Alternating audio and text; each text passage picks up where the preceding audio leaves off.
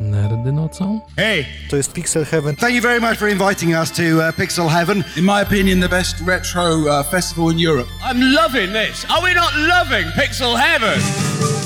How I wish, how I wish you were here. David Pleasance i Trevor Dickinson. Są już mikrofony. One, two, three, four, five, six, seven. Amiga forever. Can we get two chairs, please? Okay, sure. That's just for me. David and I um, were at AMI party last year, and we had a great time, and we drank lots of beer, and we did a little twosome. Uh, beer helps. We haven't had any beer today, so hopefully we'll we'll be just as entertaining. Is that the right word? Yeah, I think so. But I think we drank half of Warsaw's beer last night, actually, to be honest with you. So I was getting a bit sleepy earlier on. I think I usually have a, a, a snooze about this time of day. Anyway, hello and welcome, guys. Thank you so much for attending this little session of ours. As I understand it, uh, there's going to be a, uh, a bit of a two-way session with Trevor and myself, um, and with Pavel. I think we're starting off with Commodore stuff, aren't we? Isn't that what Yeah, we're doing? Well, of course, we need to talk about uh, the classic Commodore, the old generation. Very true. And uh, unfortunately, I'm representing the new generation. What about me? I'm not representing, I'm not representing anyone. And you're here to help us uh, answer any difficult questions, okay? David. right. Um, Uh, well, well, you- Commodore. Um, I'm sure you all know that David was the managing director of Commodore UK, which is one of the most profitable, if not the most profitable division of Commodore uh, before the, uh, the whole company went bust in 1994. Uh, David and his team kept Commodore UK going for another year, 18 months. 14, 14 months. 14 months. And then, of course, uh, they made an attempt to buy the Amiga technology, put together a very credible proposition. But unfortunately, it failed, and, and uh, we all know what happened then. Uh, ESCOM uh, acquired the Amiga. So, Dave, I mean, we've talked about this a number of times about uh, Commodore, your time at Commodore. Could you sum up, this is a very difficult question, your feeling about your time at Commodore in a, you know, a, a few words, a few sentences? Yeah, well, I was actually one of the longest serving employees at Commodore. I was with them for about 12 and a half years.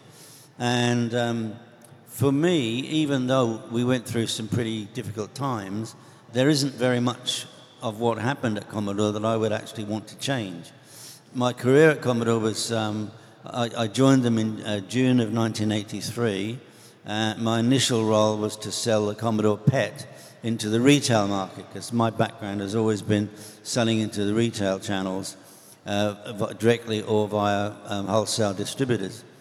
Um, I only did that for about three or four months, and of course the, the VIC 20 had been launched and was doing very well, and then the 64 was launched just prior to me joining them, and that was going so well that eventually they needed to put uh, somebody in charge of all of the national retailers, and so they took me away from my, my job selling pets, and I became the national accounts manager for the consumer division. I was with the Commodore UK for, um, I think until, well, from, uh, from 93 until 1990.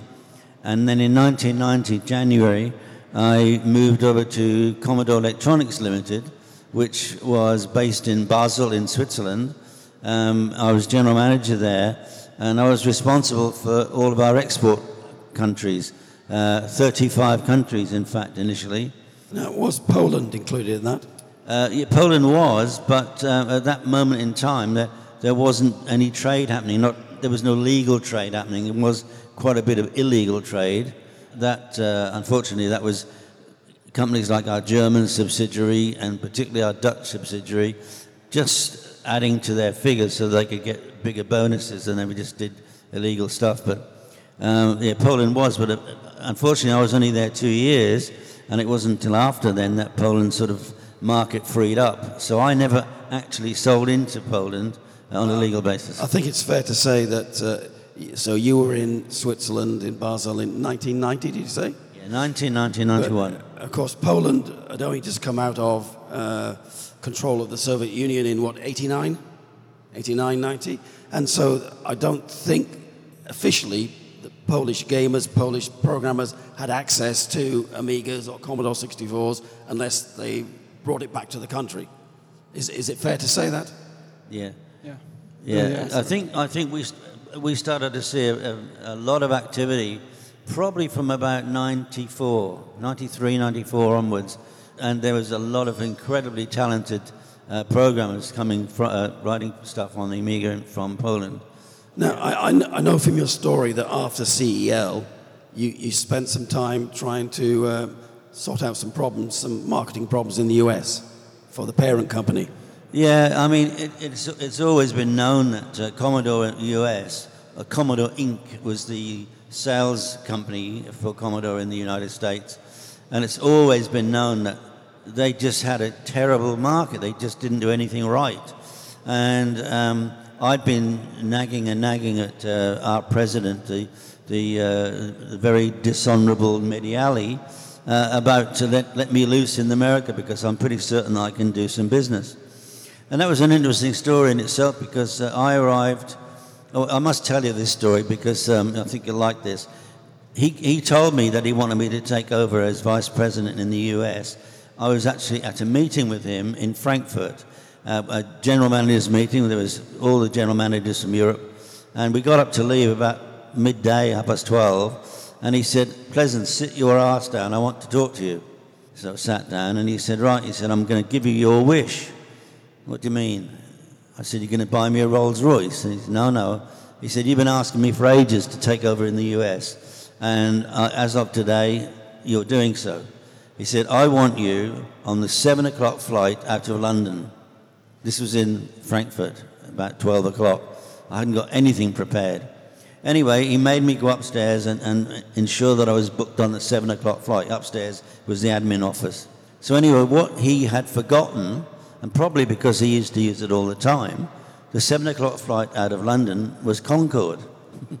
so, so I actually got to fly on Concorde once, which was uh, rather a treat in itself. But I'm certain he's never even realised that that's what he told me to do. So that's why Commodore went bust. You- Yeah, absolutely, You of flew course. on Yeah, Concorde. it's all my fault. Yeah. All my fault. I'm interested to hear from the audience uh, how many Amigans, Oh, well, yeah. uh, how many Atari, okay, how many Commodore Pets, yeah, okay, how many Sinclair Spectrums, okay, good, hmm. how many PCs? Oh, it's all right. You, You're, you're brave. you, you can come out today. You're allowed to be a PC. It's a free world. You can have a PC. All right, how many Macs or Apple users? Okay, all right, okay. So there's a, a good mix we've got. Yeah, absolutely. Quite a, quite a few Amigans. What about Commodore 64s? Yeah, well, everybody out there was- Yeah, I I can just confirm, by the way, there's been much conjecture about how many 64s were sold worldwide. And I can tell you within very, very close accuracy, because obviously when we did our due diligence about buying Commodore, we had access to all the figures. And the actual amount of Commodore 64s sold worldwide was just a tad under 27 million. So that's, a, that's an accurate figure. Well, thanks. But I, want to get back to the story about when going to Thank- the thanks US. for confirming that because I've seen so many different numbers from 18 million to 27. Okay. Yeah, of course, in, in most cases it was conjecture because nobody really knew. But uh, as I said, I saw the actual figures and it certainly is as near as damn it 27 million.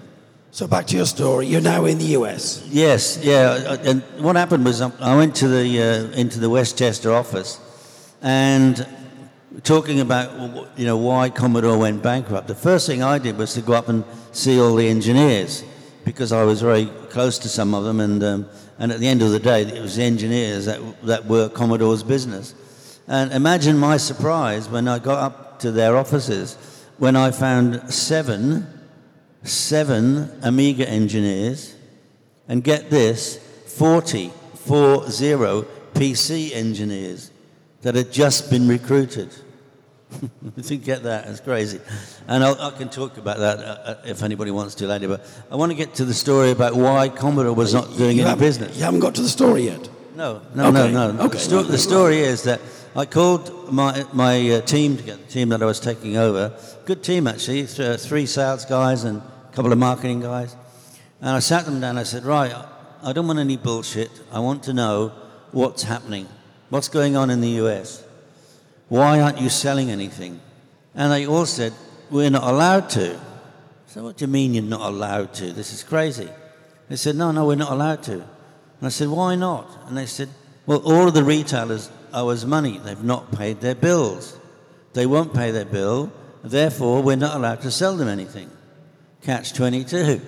So I said, why aren't they paying their bill? We don't know. Okay. I said, right, well, what we need to do is we need to um, find out what's, the, what's, going, what's behind this. So I said, make some appointments and I'll go with you and we'll, we'll, see, these, we'll see them all one at a time. Now, the very first one I went to happened to be Sears in Chicago, their head office. I think we were on the 14th floor, something like that. And when I got up there, and I was up there with uh, Steve Salas, was my salesman for that area, and it was him and I, and there was about 12 people sat around the boardroom table at Sears.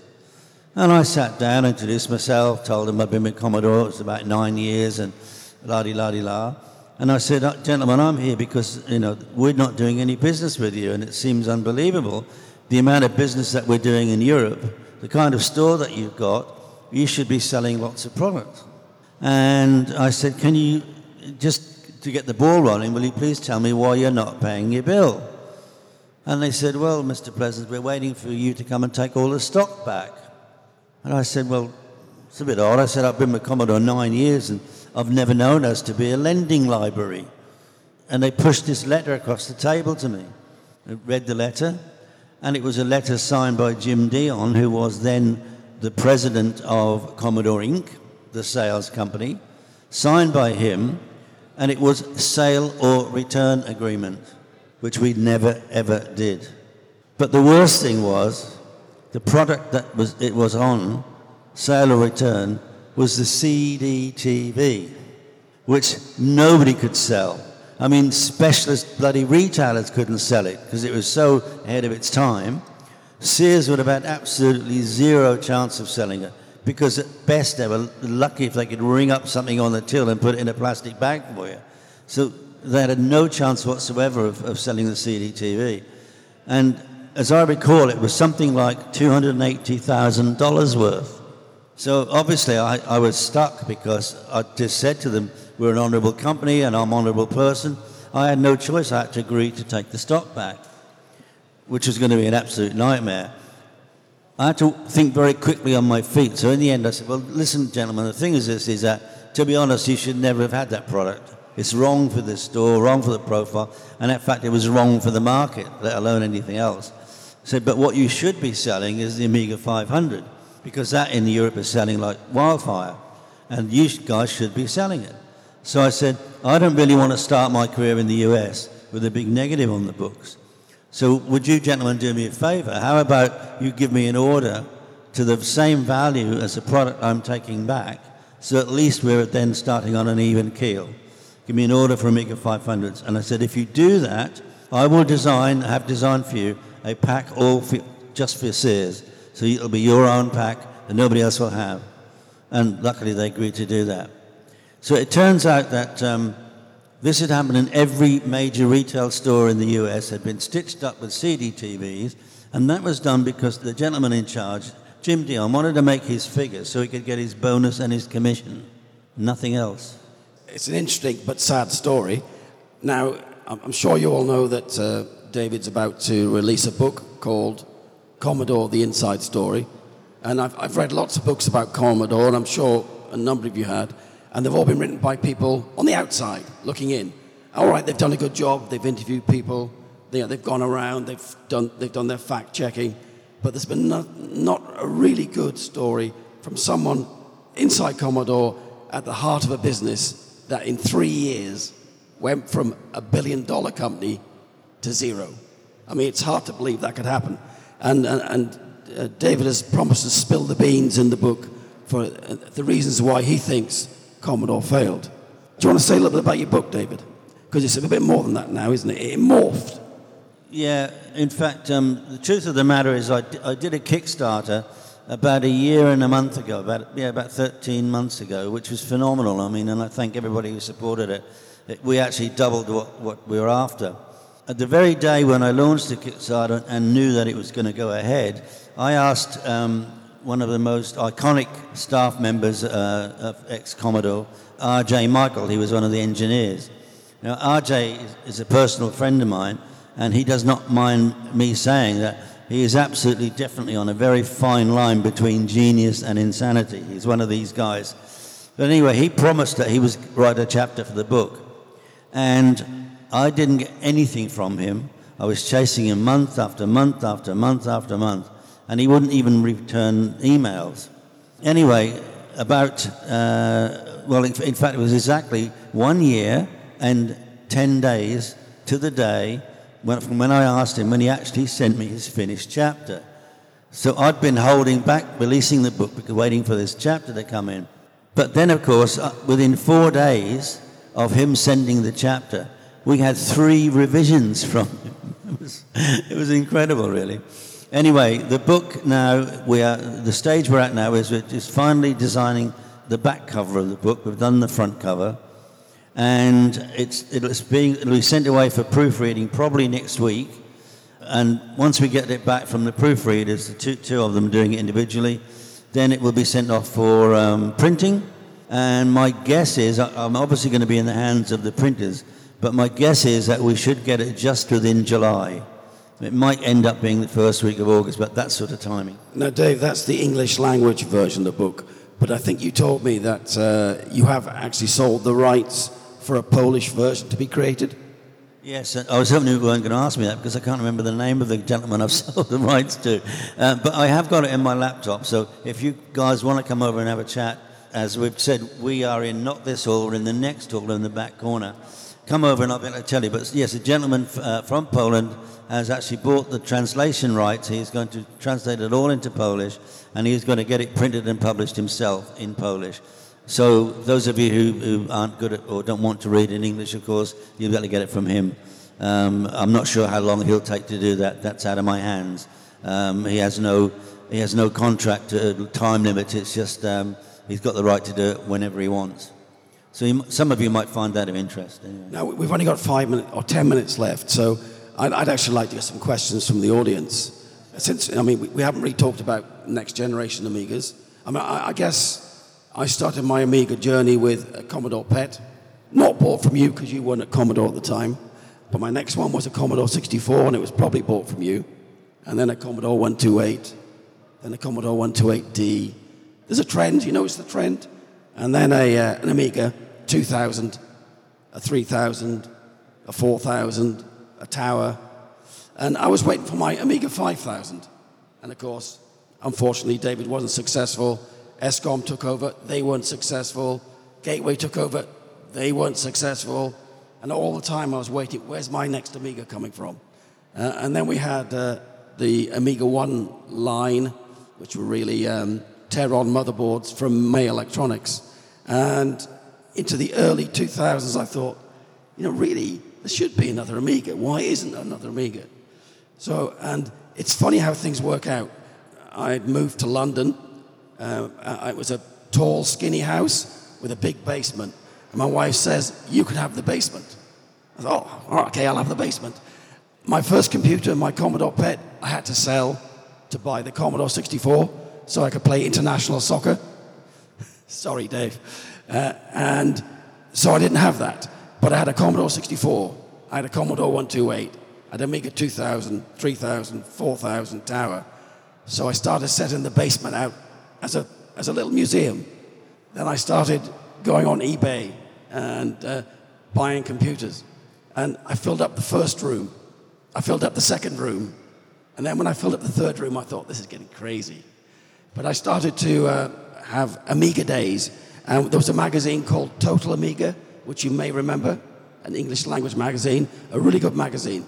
And uh, a person called Michael Battilana of Cloanto was coming to London.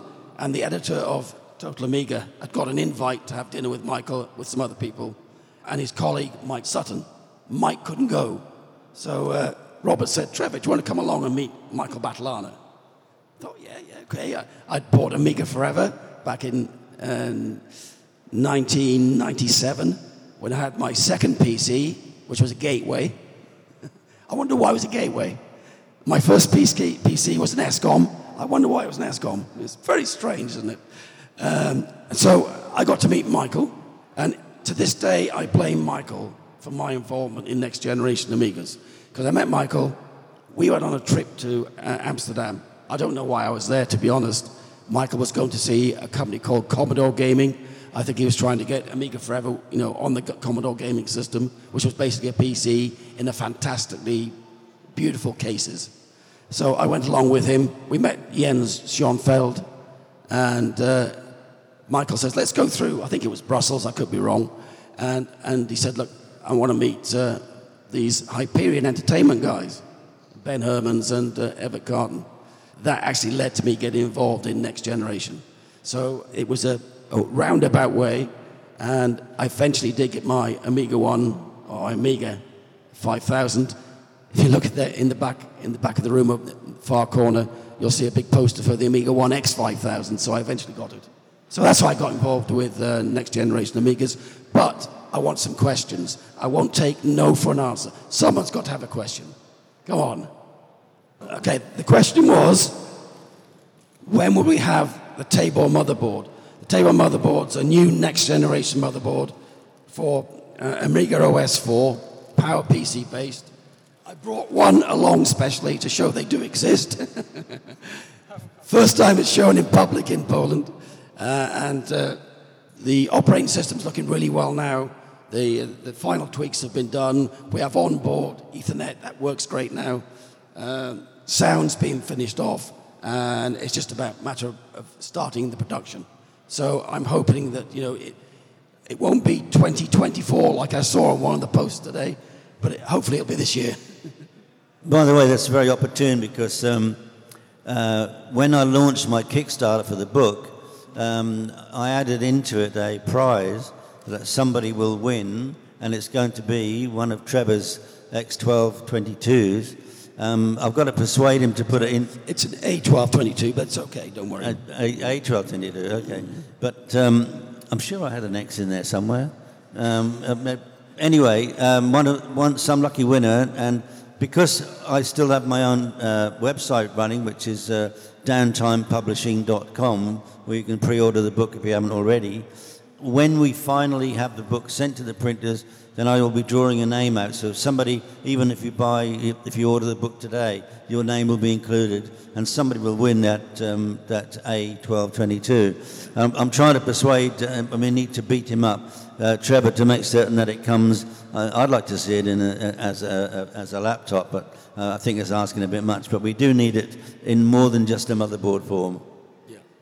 Yeah. Any other questions? Sure. Any, any news from Hyperion guys about a new uh, 3.1 uh, OS? Can you, can you uh, any news about the new Amiga OS 4.1? Oh, Amiga OS 4.1. Because you know, obviously, I don't represent Hyperion Entertainment, and they are the official developers of the uh, Amiga OS operate, Amiga OS 4 operating system. Uh, personally, I wouldn't be surprised to see them drop the naming so, you know, 4.1, 4.2, I think they might change that in the future, as well as being obviously producing next gen hardware. I'm, I mean, I'm a beta tester. I'm actually a beta tester for Morph OS as well, so, you know, I swing both ways. uh, We'd heard that. so, when will a new update be released? When, f- now this sounds funny, Amiga OS 4.1, final edition, update 1 was the last release. I hope they, do, they stop doing that and, and give it a, a nice name because that's just silly. But uh, we've just got the first ISO for the, uh, an update ISO for the Amiga 1 X5000. So that'll, that'll be available quite soon, I think, for all commercial customers of the X5000 or previous customers. And the, the ISO also supports the quad core version, the uh, P5040 version of the X5000 so the X5000 stroke 40. So I, and that will be released with the, uh, it's been released to beta testers now. It's actually very far down the line. I would expect the X5000 to be released, the 5040 version to be also released this year. with a new version of uh, Amiga OS 4.1, whatever it's called. But of course, Aeon Technology, company I'm, I'm with, we, we create our enhancer software pack, which come with a lot of features, a lot of updates, new drivers, 3D graphics, graphics drivers, and that's all developed by Aeon. It's not part of the Amiga OS 4.1 package. So when people say nothing's happening in Amiga OS 4.1, I say, look at the Enhancer pack. It's doing great things for the Amiga, uh, the Amiga OS 4 operating system. It's just not from Hyperion. Did that help? Not really. Okay. Another Any question? more questions? Hi, Trevor. Are you going to visit uh, Amiga Party in August this year? The same question to Dave. Well, we went to Amiga Party last year and survived. I, think I, I don't know how. I think I drank about eight or nine Stalin's tears. I think my voice hasn't recovered. so hopefully, you know, I try to go to um, Amiga shows or retro shows I've never been to before. So I'd never been to Pixel Heaven. So when, when we were invited to come, you know, I jumped at the chance. I've been invited to a show in Sweden. I've never been to an Amiga show in Sweden. So because I live in New Zealand and it's an awful long way to come, I try to spread out the Amiga shows. One thing I would say, and Dave would say the same, wherever we go, we find Amigans and retro people in general, but specifically Amigans, they're great people. They're good fun, and, and you, you have a common bond, and the common bond is uh, either Commodore or the Amiga. No, the common bond is alcohol. it helps. Right? Okay, I have one question. One more question. Yeah, one more question, and the question is for you, for you both. With David being involved with the Friend Cloud system and Trevor being involved with the new Amiga, isn't there a direct competition between you guys? Can I answer that one? I'm actually invest, a small investor in Friend, so I don't see any competition. I see, and I know some people might not, not like this. I see the continuation of the Amiga line and legacy as a passion I mean, you might say it's a hobby, but it's a passion. It's not about having the, you know, the most fastest computer in the world. It's about continuing that, that, that fun I got when I got my first Amiga. And I think what Friend are doing is it's, it's a worldwide thing and has the potential. It may not work, but I'm really hopeful it will. It has the potential to be a game changer in, uh, in the way computers are used in the future. Yeah, there's no doubt in my mind. I mean, um, understand I was retired um, out of uh, this industry for quite a long time. Um, then I was invited to be a, a, guest speaker at the Amiga 30 event in Amsterdam and also uh, in Neuss in Germany. And it was there uh, in Amsterdam when I did my speech, and then the guys from Friend were there, and they come over and spoke to me. And the, the, the chief architect of Friend, uh, Hogne he learned and he did he, everything he knows he learned using the Amiga. And the idea of Friend, in fact, is that he has taken all the very best points from the Amiga operating system and then brought them into the 21st century. So, right at the heart of Friend is the Amiga, and, and everything that it does, he's taken that and he's now enhanced it to such a degree that it's incredible because obviously we're cloud and web based and everything interweaves and works together. And it, it is quite frankly sensational. And when I was asked to join them, it was a very easy decision because I then and still believe that Friend will change history. Mark my words. One more. Okay, we've got time for one more question. Make it an easy one. Yeah, I've got one. Where's the bar? okay, well, look, I, I, often talk about what got me into Amigas, and it was actually a lightning storm in Texas. Uh, and I, I, had a Commodore 128D. I'd been transferred to Texas, Houston, and a, a very bad lightning storm. It hit the house. It came down through the phone line, and my uh, 128 had a 1200 baud modem, completely zapped the system. Fortunately, I had uh, insurance on the, on the computer, and with my home contents insurance, I put the money towards an Amiga and got an Amiga 2000. So, as I like to say, it was an act of God that got me onto the Amiga. At least that's what it said in the insurance policy. Thank you very much, guys.